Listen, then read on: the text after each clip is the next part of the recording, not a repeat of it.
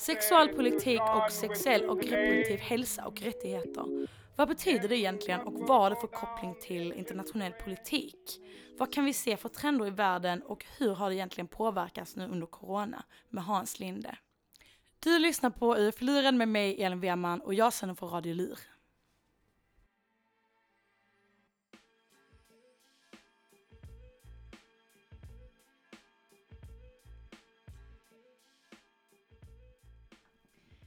Nu är det äntligen dags för det tredje avsnittet för den här säsongen. Och eh, det blir också det sista avsnittet eh, innan eh, kanske lite sommaruppehåll. Eh, några månader innan vi kickar igång en ny säsong. Och då framåt får vi se lite hur det blir. Det är inte helt bestämt ännu. Eh, men det har i alla fall varit jättekul att spela in den här säsongen. Eh, vi har ju lagt ut tre avsnitt.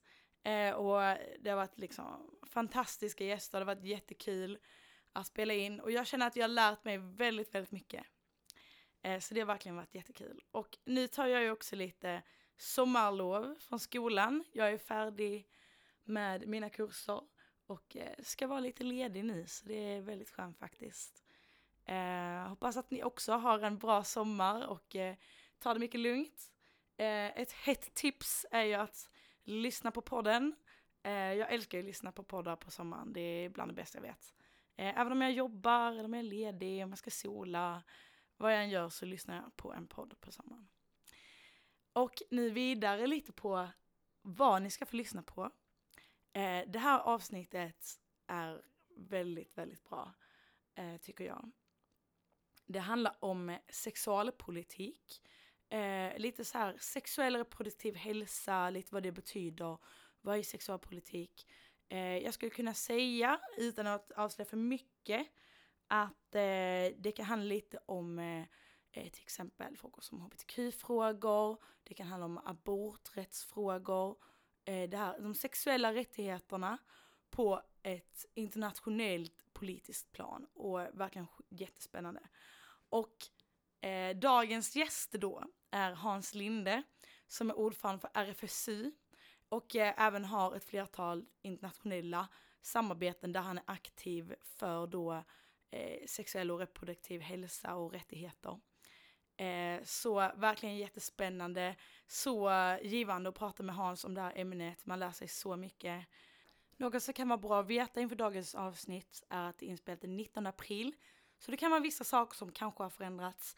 Men jag har lyssnat igenom och jag tycker att allt fortfarande är gångbart och att allt stämmer. Eh, men bara så att ni vet om det. Så att jag tänker att vi kickar igång direkt med dagens avsnitt.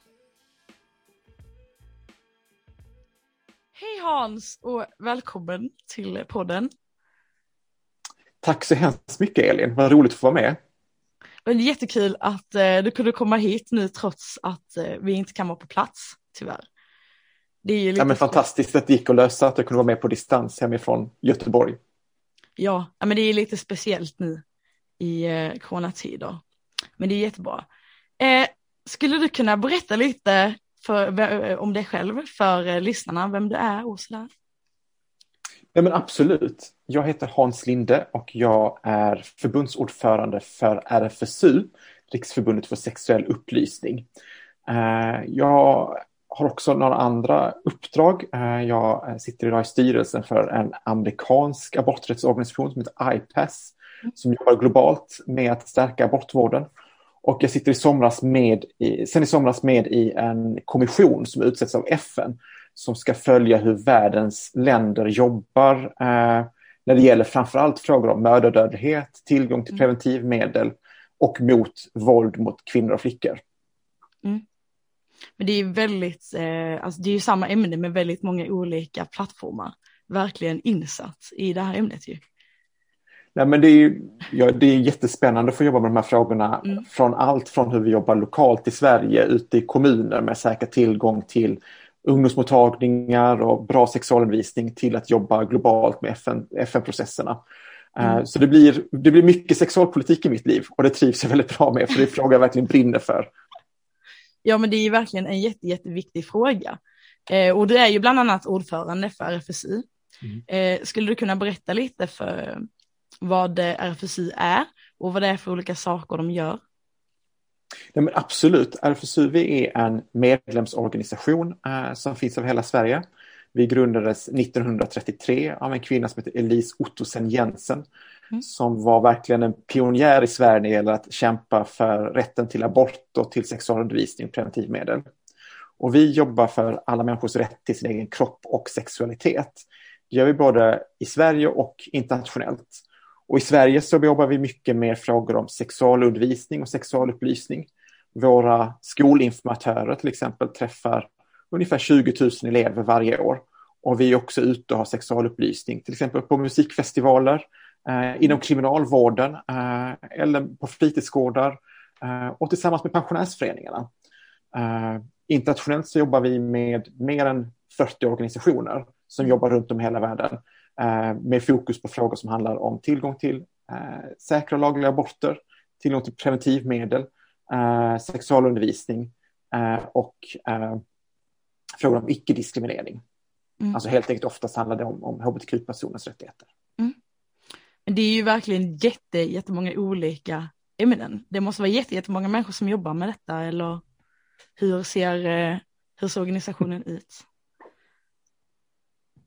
Ja, men vi, eh, jag skulle säga att vi är alldeles för få som jobbar med de här frågorna. Vi skulle behöva bli betydligt fler röster, både i Sverige och internationellt, som jobbar med de här frågorna.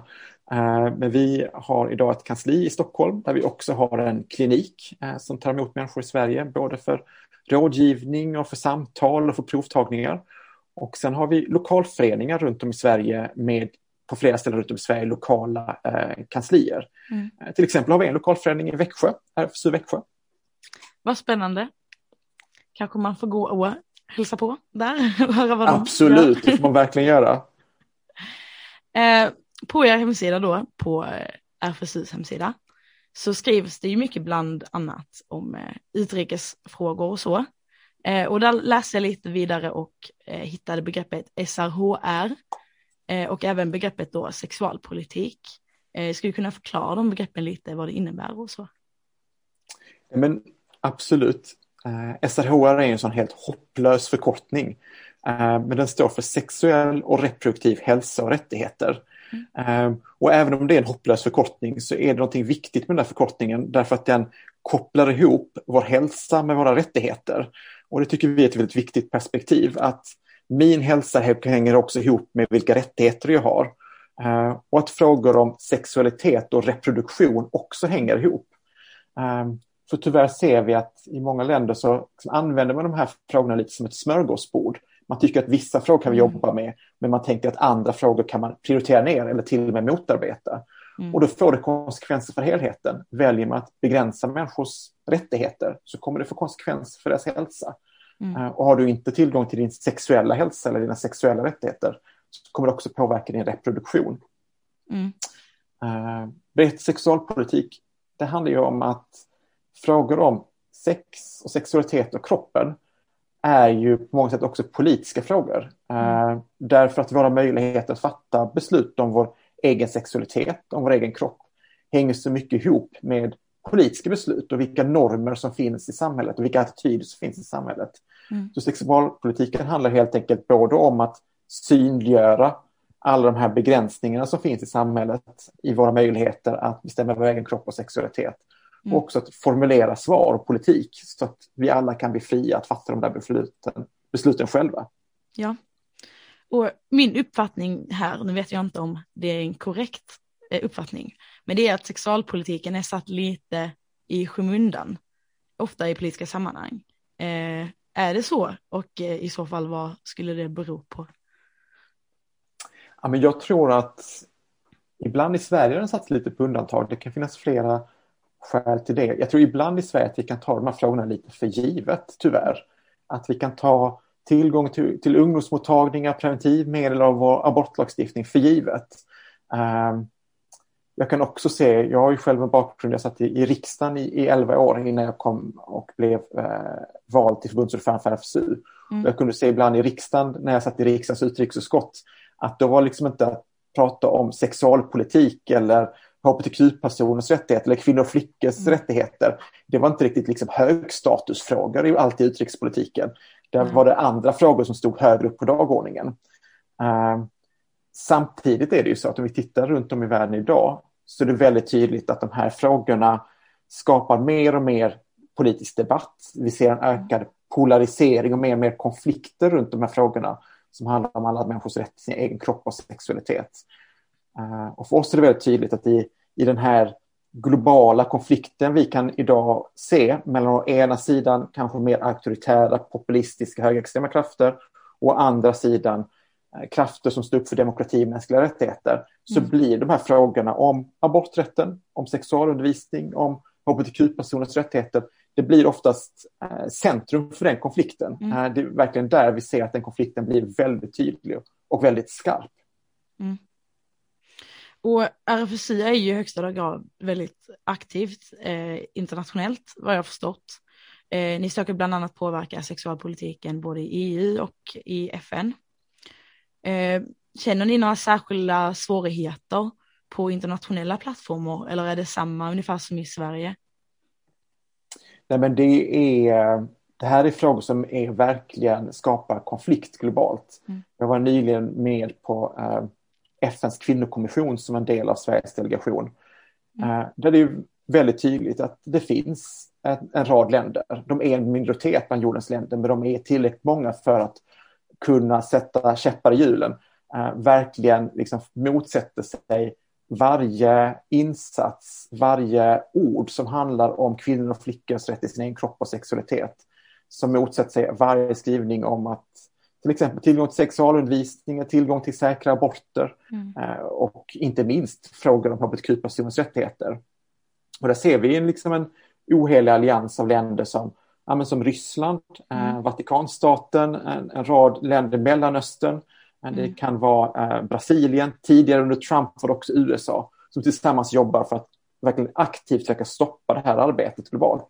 Mm. Um, det vi också ser när vi jobbar internationellt är att det finns väldigt mycket mytbildningar om de här frågorna.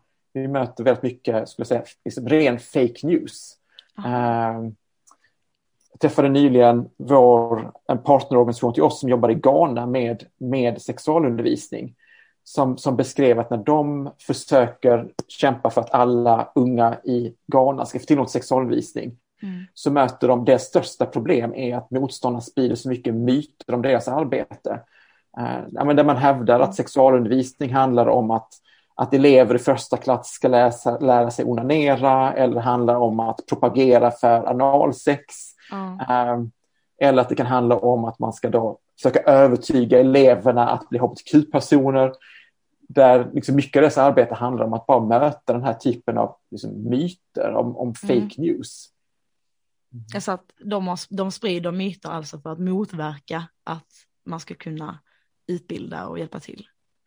Ja men absolut, det ser vi väldigt tydligt. Mm. Uh, att det motstånd som finns mot sexuell och reproduktiv hälsa och rättigheter i världen, de jobbar väldigt tydligt med att just sprida myter, liksom rykten, eh, felaktiga uppgifter eh, för att på så sätt skapa misstänksamhet och, och misstro.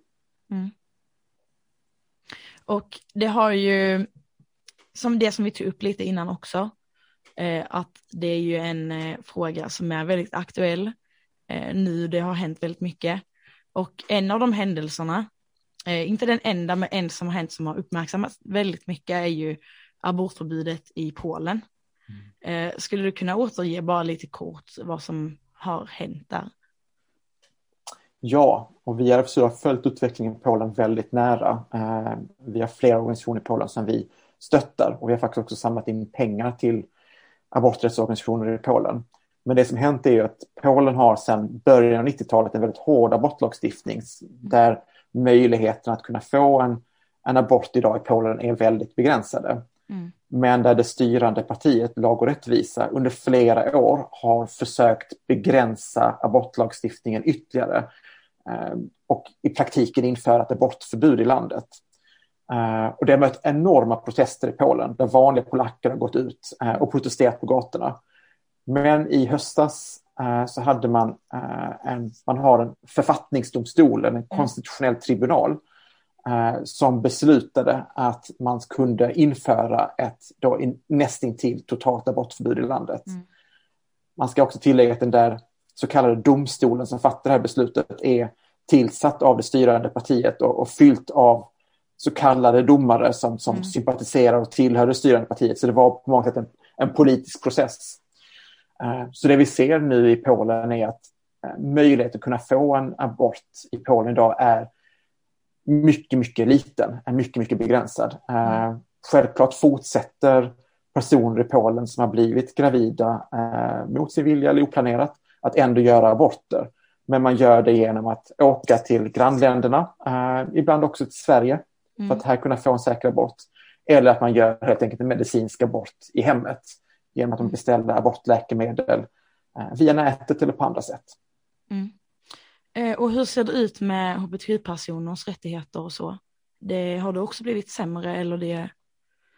Eh... Ja, det har blivit ganska radikalt mycket sämre i Polen de senaste åren. Mm. Det här styrande partiet Lag och rättvisa, de ger sig på alla sexuella och reproduktiva rättigheter. Mm. Eh, de har i drygt hundra kommuner och regioner som man styr eh, utropat så kallat hbtq-fria zoner. Eh, och där vi ser att man verkligen i sin retorik nu hetsar mot hbtq-rörelsen i mm. Polen och mot enskilda individer. Och det leder ju såklart till ja, men, mer hat och hot och ökad diskriminering mot hbtq-personer i, mm. i Polen. Så situationen går tyvärr åt fel håll och ganska snabbt åt fel håll i Polen. Eh, Polen har ju tidigare varit ganska, vad ska man säga, modernt på det sättet att, vad jag har förstått i alla fall, att eh, de var ett av de länderna som har haft eh, aborträtt väldigt länge. Och eh, vad jag har förstått, nu kan detta också vara fel, men att de har haft ändå eh, helt okej, okay, liksom att de har haft någorlunda också bra för hbtq-personer tidigare. Eh, Eh, hur, vad, vad är det som har gjort att det har blivit så mycket sämre så snabbt? Finns det något särskilt förutom den här eh, regeringen då? Ja, det är det sorgliga i Polen att på, på 60 och 70-talet så hade eh, Polen en relativt liberal abortlagstiftning, mm. vilket gjorde att gravida åkte från Sverige i en tid när Sverige hade en mycket mer restriktiv abortlagstiftning och åkte över Östersjön till Polen för att kunna få en, en säker abort där. Eh, och idag ser vi hur eh, kvinnor och andra gravida åker åt andra hållet för att kunna få en mm. säker abort. Och jag tycker Polen är en sån påminnelse om att vi inte kan ta de här frågorna för, för givet. Utvecklingen kan vända och den kan vända väldigt snabbt. Mm. Och jag tror det vi har sett i, i Polen är väldigt tydligt att eh, olika krafter har byggt allianser mellan sig. Vi kan se konservativa religiösa mm. grupper har byggt allianser med mer högerextrema, populistiska och auktoritära krafter. Mm. Och de här grupperna har liksom byggt de här breda allianserna så de har också blivit ganska så mäktiga och tongivande i den, i den polska debatten. Eh, och det här är något vi ser liksom, också globalt, att man gör försök eh, att bygga den här typen av allianser mellan högerpopulister, högerextrema krafter och djupt konservativa religiösa krafter. Mm. Och när man lyckas med det, som till exempel i, eh, i Polen, mm. Eh, så kan man verkligen liksom förändra politiken. Vi ser en liknande utveckling skulle jag säga också i till exempel Ryssland eller i Turkiet, eh, i delar av USA, i Brasilien. Mm. Eh, som andra exempel på hur de här krafterna kommer ihop. Mm. Eh, vi pratade om detta lite innan också, vi började spela in, eh, just det här att eh, vissa länder blir det väldigt mycket fokus på. Och vissa länder blir det lite mindre fokus på ofta att Polen har fått väldigt mycket, eh, mycket spridning på nyhetssajter och media, medan, eh, eh till, med, medan hur det ser ut kanske i olika länder i Afrika, mm. att det får inte lika mycket spridning. Vad, vad tror du att det beror på? Jag tror att eh, det såklart handlar om att, att Polen ligger väldigt nära Sverige, det är på andra sidan mm. Östersjön. Och jag tror också det är kopplat till den här speciella historien vi har med, med Polen. Mm. Att eh, det är inte så länge sedan som eh, personer åkte från Sverige till Polen för att, för att kunna få en säker abort. Mm. Och jag tror att det är, jag tror att många av oss som bor i Sverige fortfarande har de där historierna i våra egna familjer. Vi har mm. många liksom, liksom, föräldrar eller en mormor eller en farmor eller en faster som en gång i tiden försökte åka till Polen för att kunna få en, en säker abort. Men du har alldeles rätt att tittar vi globalt idag och tittar vi på så ser vi att det genomförs eh, ungefär 25 miljoner osäkra aborter varje år. Och det är ju ett resultat av att kvinnor, flickor och andra gravida förvägras rätten till sin egen kropp. Mm. Och tittar vi på var de här personerna bor, ja, men då är det i flera länder i Latinamerika som har infört totala abortförbud. Länder mm. som Honduras eller El Salvador till exempel. Men vi ser också att det är väldigt många av dem bor i Afrika söder om Sahara. Mm. Uh, I länder där man kanske både har väldigt restriktiva abortlagstiftningar mm. men där också tillgång till preventivmedel är väldigt begränsad och där man inte har tillgång till, till en, en välfungerande hälso och sjukvård. Där det mm. tillsammans ju innebär att uh, kvinnor och flickor betalar med sina liv, sin hälsa och sin frihet mm. uh, på grund av det det, det ser vi till exempel när det gäller mödradödligheten idag i världen, att två tredjedelar av alla gravida som dör i samband med en graviditet, de lever i Afrika söder om Sahara. Mm. Eh, du pratar lite om olika eh, sådana saker som spelar in eh, på vad, det är som gör att det inte är lika bra rättigheter i ett land. Och jag tänkte lite vidare där på om kultur också kan vara en anledning till att eh, det inte finns samma tillgång eller inte finns samma eh, utbildning. Eh, kan det vara så?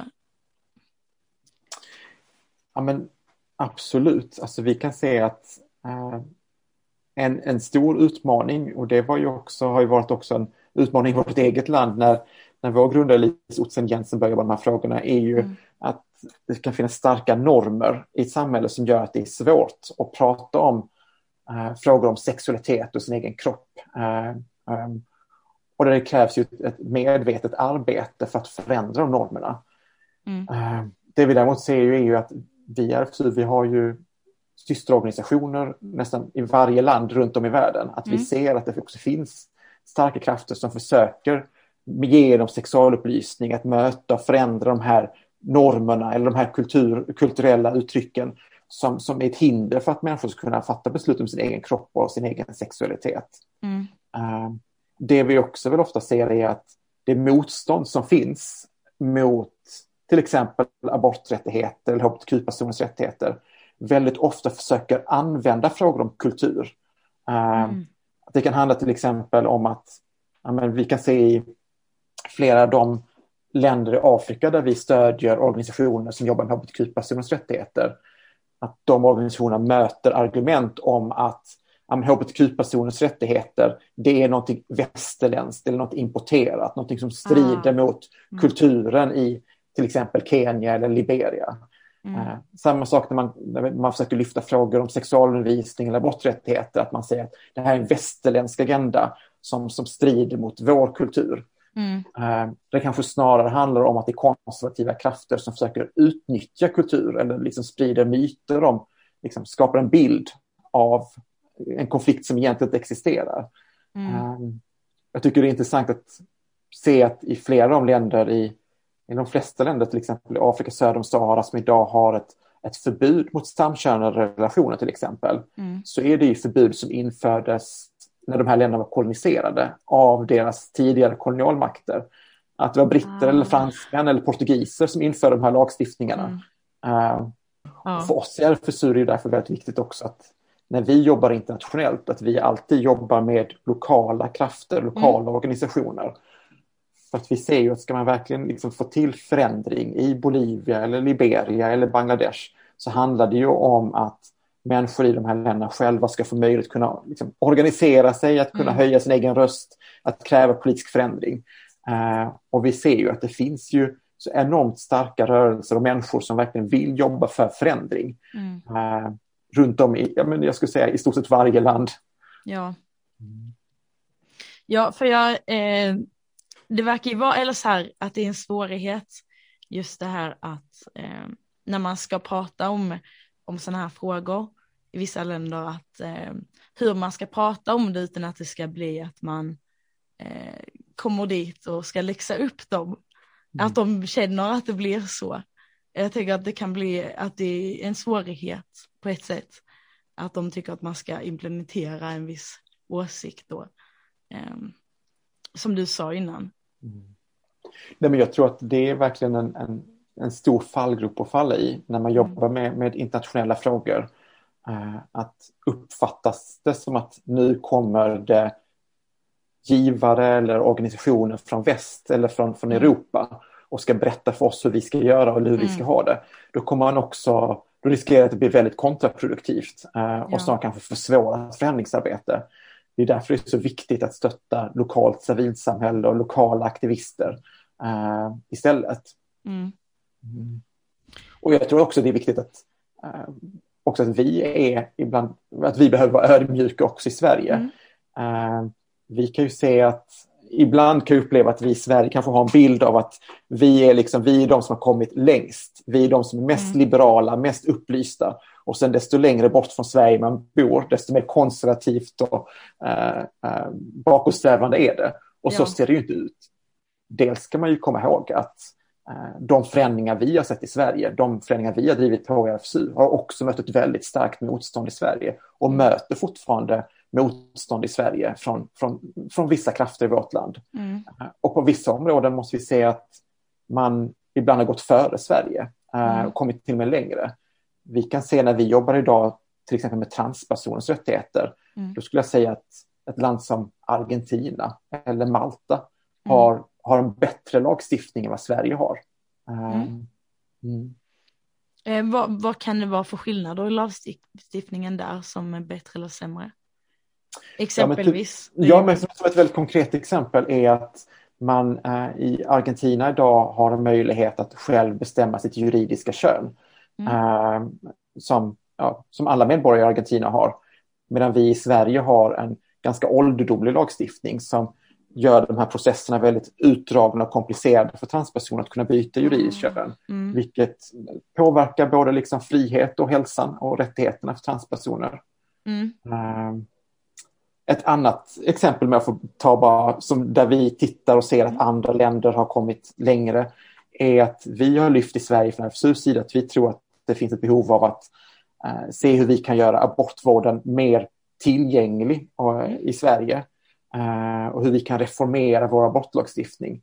Tittar man på abortlagstiftningen idag i Sverige så säger den att en abort måste genomföras på ett sjukhus av en läkare där vi vet att idag med de moderna abortmetoder vi har så det går lika bra att om man vill kunna genomföra sin abort i hemmet mm. men med stöd av barnmorska till exempel på telefon eller digitalt. Och där kan mm. vi se att länder som Nepal, Moldavien, Tyskland har redan gått i den riktningen. Där tittar mm. vi också och säger, titta här har vi bra exempel, Sverige borde följa dem. Um, så jag tror att när det gäller de här frågorna att man behöver ha en, liksom en ödmjukhet och inse att vi också i Sverige vi är inte alltid bäst i klassen och vi har också en hel del att lära i de här frågorna. Ja, men verkligen. Eh, och vi var ju inne på det lite innan också, det här om att, eh, att det verkar gå en ganska negativ riktning i många delar av eh, världen. Eh, Polen, Ryssland, eh, USA och så vidare. Eh, och eh, finns det någon utveckling där vi kan se att Sverige också påverkas av detta och är på väg i en liknande riktning där? Nej men vi ser eh, oroväckande tecken definitivt också i Sverige.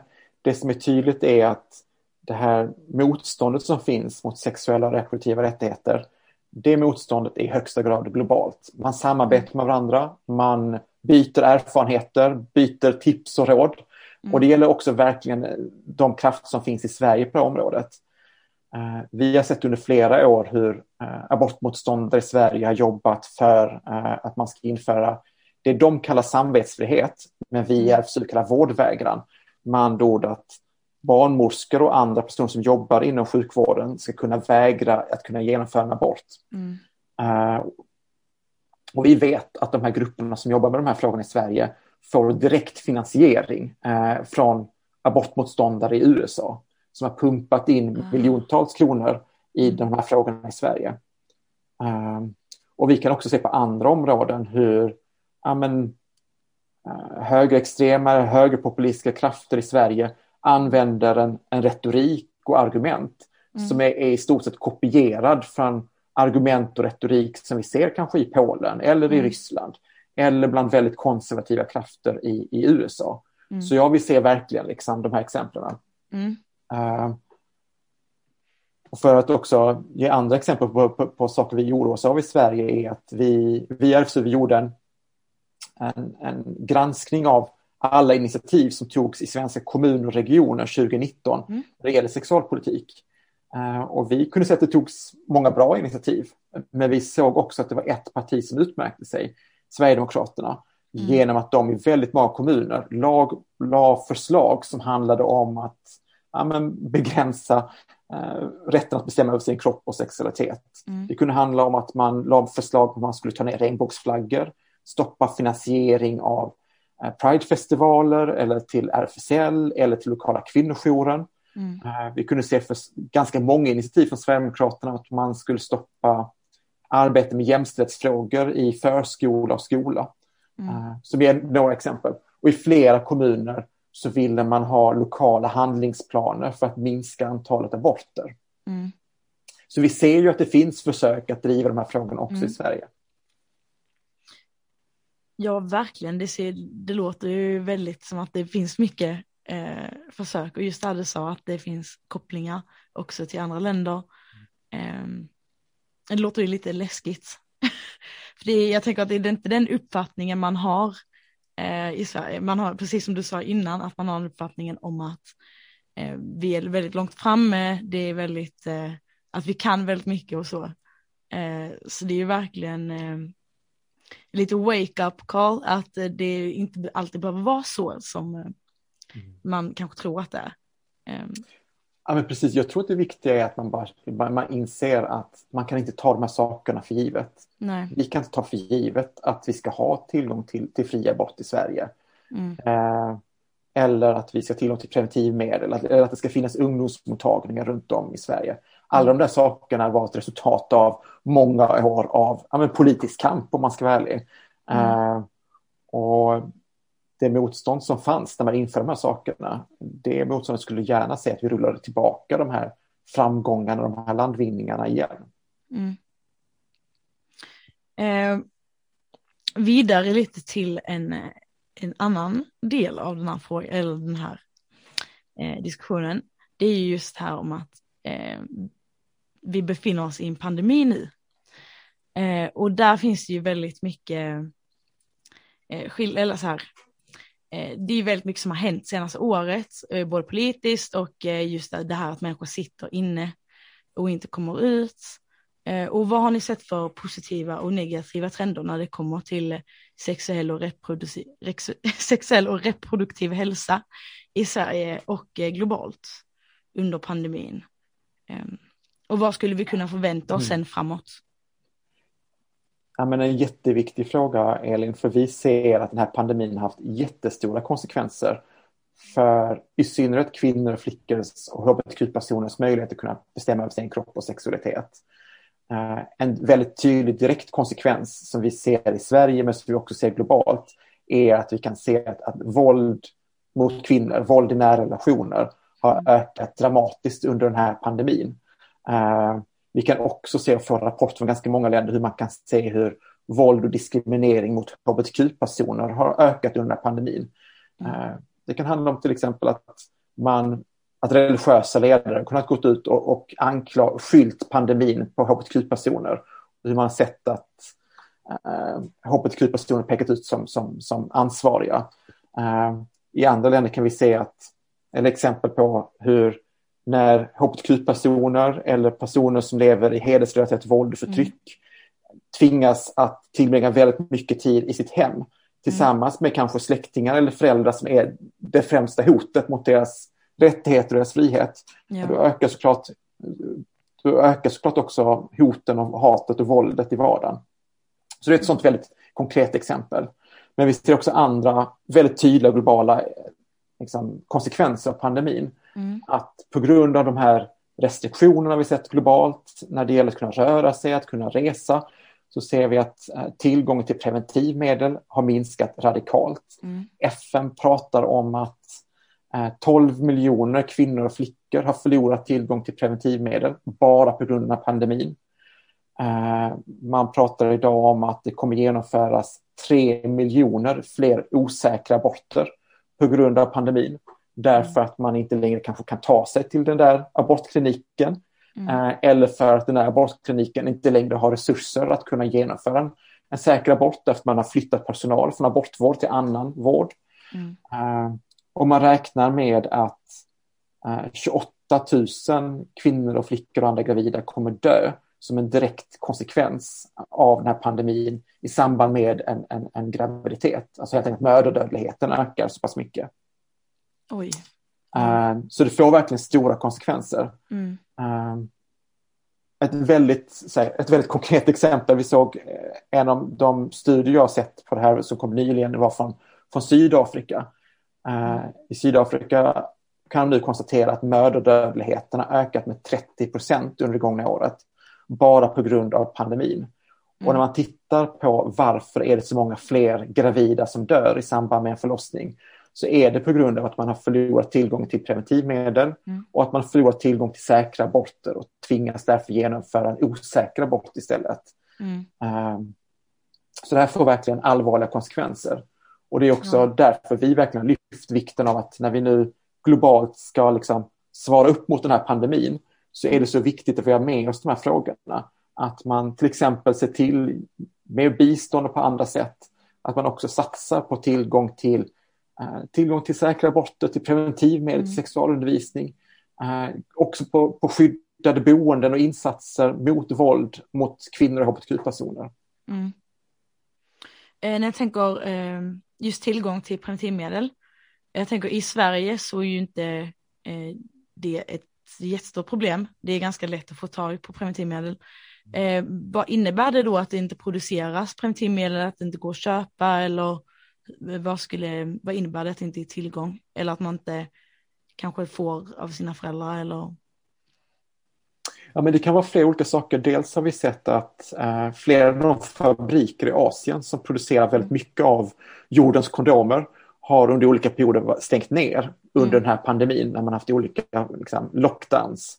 Eh, och det har minskat den globala produktionen av kondomer till exempel. Mm. Eh, men det kan också handla om en sån enkel sak som att nej, men, du har, det finns reserestriktioner. Att du inte längre kan ta dig till den där kliniken eller ah, till ja. den där ungdomsmottagningen och mm. ja, men, prova ut en, få en, insatt en, en spiral eller prova mm. ut en pessar eller någonting annat. Uh, så vi ser ju det kan vara många olika faktorer samtidigt. Eller bara en sån enkel sak som att ja, men det är lockdown och du sitter hemma med dina föräldrar. Mm. Eh, då kanske det är svårare att få tillgång till de här preventivmedlen när du ständigt befinner dig tillsammans med dina föräldrar. Mm. Mm. Preventivmedel, eh, det är ju grundläggande för sexuell hälsa, eh, så som vi varit inne på innan, och för att förebygga för könssjukdomar eller oönskad graviditet eller både och. Eh, men som, så, så, som det ser ut idag så finns det ju nästan bara preventivmedel för kvinnor. Eh, förutom då eh, kondom som, som sätts då liksom på mannen. Eh, vad beror det på att det, det, finns framtaget så mycket, eller används så mycket på män? Alltså jag tycker det är en väldigt bra fråga Elin. Jag har ställt mig den frågan väldigt många gånger själv. För egentligen Alltså, egentligen så vet vi att hade liksom forskningen velat så hade vi kunnat ha ett eh, motsvarande p-piller mm. eh, för män redan liksom imorgon. Eh, och jag tycker varje år så kommer en ny nyhet att, som säger att om fem år kommer vi ha ett nytt preventivmedel också för män. Och så går det ytterligare ett år och så säger man om fem år så kommer det här mm. preventivmedlet. Det skjuts hela tiden framför sig. Och jag tror att det handlar väldigt mycket om att man fortfarande betraktar frågor om sexuell hälsa eh, som någonting som, som kvinnor och flickor ska, ska ansvara för. Mm. Eh, att frågor om, om alltså oönskade graviditeter är kvinnor och flickors ansvar. Eh, eh och här tror jag att här verkligen också, här finns det ju verkligen ett behov eh, att prata om de här frågorna i sexualundervisning och på andra områden i samhället för att synliggöra att vi har ett gemensamt ansvar för den sexuella hälsan och för den reproduktiva mm. hälsan. Det här är ett delat ansvar för oss alla som, som har sex och är sexuellt aktiva. Det är inte så att det kan läggas på halva befolkningen. Nej. Eh, jag såg lite, nu har jag, jag har bara sett cirkulerat, jag vet inte om detta är eh, en väl framtagen produkt, men att det nyss har kommit fram en produkt eh, där man lägger en kräm på axeln som ska vara eh, då en preventivmedel för män. Eh, är det långt framme eller är det någonting vi kommer kunna se på marknaden tror du eller är det bara en flyga? Nej, men det, det finns liksom, mm. alltså det mm. finns jättemycket forskning och egentligen ganska mycket metoder eh, för, för män som skulle kunna användas som preventivmedel. Mm. Eh, du är ett, ett sådant exempel. Och jag tror att egentligen det där borde kunna finnas ut på marknaden redan idag. Mm. Jag tror att det, det, är två saker som krävs. Dels att det finns en, eh, att man prioriterar forskning och produktutveckling på det här området. Eh, och för andra att också som jag tror har varit ett av de stora hindren, att också att män är beredda att ta ett större ansvar för den reproduktiva och den sexuella hälsan. Mm. Ehm, så kan vi bara se till att det både finns liksom en vilja inom forskningen eh, och en vilja bland män att använda de här produkterna, då kommer vi kunna se det väldigt, väldigt snart. Mm. Eh, jag tänkte också på det liksom för att avrunda lite och knyta ihop utrikesfrågan också. finns det liksom något, eh, något land det för exempel på där det är mer män som tar ansvar eh, när det gäller sexuell och alltså, eh, SRHR då än eh, i Sverige eh, som man kanske inte lyfter fram. Vilken bra fråga Elin. Uh, jag, ska nog, jag ska säga så här att jag mm. tycker att när vi pratar med våra partners och ser internationellt så tycker jag det finns ganska bra exempel internationellt i många länder hur man jobbar med frågor om maskuliniteter, alltså mm. normer kopplat till och uppfattningar kopplat till, till, till, till män. Uh, och där tänker jag att vi har en del att liksom lära av i Sverige, uh, hur vi också kan jobba med de här frågorna. Det är alldeles uppenbart. Uh, inte minst just nu när vi bara de senaste veckorna fått en, en rad rapporter om och väldigt uppseendeväckande upprörande exempel på mäns våld mot kvinnor. Mm. Att det är väldigt viktigt för oss i Sverige att också jobba med de här frågorna om maskuliniteter. Uh, och där tänker jag att det finns verkligen en massa goda internationella exempel och exempel från andra delar av världen där vi kan lära av. Jag tycker mm. det är ett sånt område där vi i Sverige inte kan säga att vi är bäst i klassen. Nej. Uh, det är just specifikt länder där, där män tar ett större ansvar när det gäller liksom preventivmedel och sexuella hälsan. Jag, jag ska inte sitta här och killgissa, um, men jag skulle nog, jag skulle gissa om vi tittar ut internationellt att vi skulle se, att det skulle verkligen kunna finnas den typen av exempel. Um, för jag tror att um, här är ett område där vi skulle kunna bli betydligt bättre. Mm. Att se att här har vi ett gemensamt ansvar för den sexuella och reproduktiva hälsan. Mm. Mm. Men verkligen jätte, jätteintressant. Eh, du, har, du har svar på så mycket. Det, jag ställer väldigt mycket olika frågor men eh, det är verkligen jätte, jättespännande att höra mycket om det här. Så som vi sa i början också att det, eh, det är inte, nu har det börjat lyfta fram mer och mer men att det är inte alltid att de här frågorna lyfts fram. Eh, så det är ju jätteviktigt att de också får ta plats eh, och sådär. Eh, Eh, och jag tyckte det var jätte, jätteroligt att ni vill använda ett av era avsnitt till att uppmärksamma de här frågorna. För det här är verkligen liksom också centrala utrikespolitiska frågor. Mm. Uh, när, när, världens ledare träffas i FN eller man har toppmöten i EU, uh, eh, då är de här frågorna verkligen på dagordningen idag ja. i utrikespolitiken. Och vi ser gång på gång i internationella konflikter till exempel, uh, eller internationella motsättningar, hur de här frågorna finns med på väldigt många olika sätt. Mm. Eh, både att vi ser att väpnade konflikter eller humanitära kriser eller klimatförändringar får också väldigt direkta konsekvenser eh, för kvinnor och flickors och hbtq-personers rätt, möjligheter mm. att bestämma över sin kropp och sexualitet. Men också i konflikter mellan länder på, på hög politisk nivå. Man kan mm. använda de här frågorna som, som slagträ eh, mellan olika länder eh, mm. i, i utrikespolitiken. Mm. Och vi har ju bara varit, nu har vi ju bara hunnit liksom snudda lite på ytan. Och vi har ju pratat framförallt då om eh, tillgång till preventivmedel och eh, aborträtt och eh, de här olika. Men jag tänker också, eh, vi har inte hunnit prata så mycket om hbtq-rörelser så vi fick snudda lite granna. Men om man vill läsa vidare på de här frågorna, liksom, eh, vad, kan man, eh, vad kan man kolla då om man vill lära sig ännu mer? Ja, men man kan verkligen gå in till exempel på RFSUs hemsida, rfsu.se. Där kan man läsa mer om både det arbete vi gör i Sverige och internationellt och också sen kunna hitta länkar till flera av våra internationella partners. Eh, mm.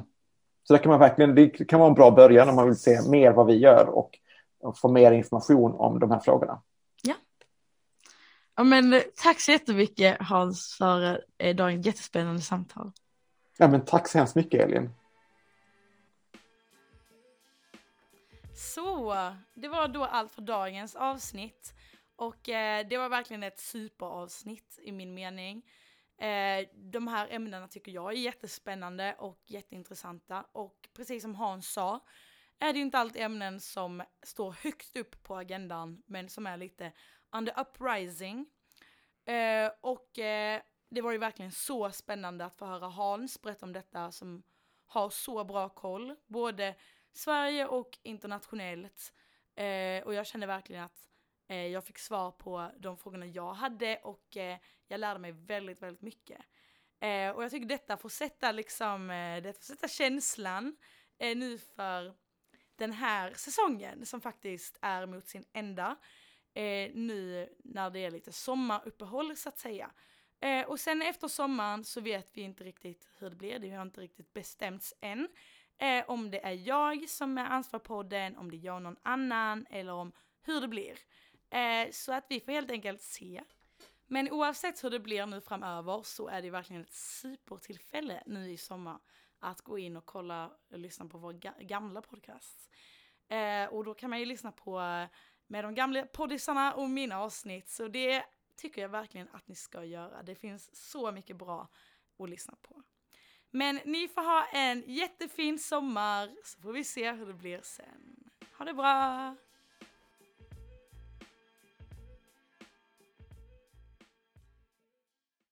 Du har lyssnat på ett poddavsnitt från Radio Lur, studentradion i Växjö. Vill du också göra radio? Gå in på radiolur.com.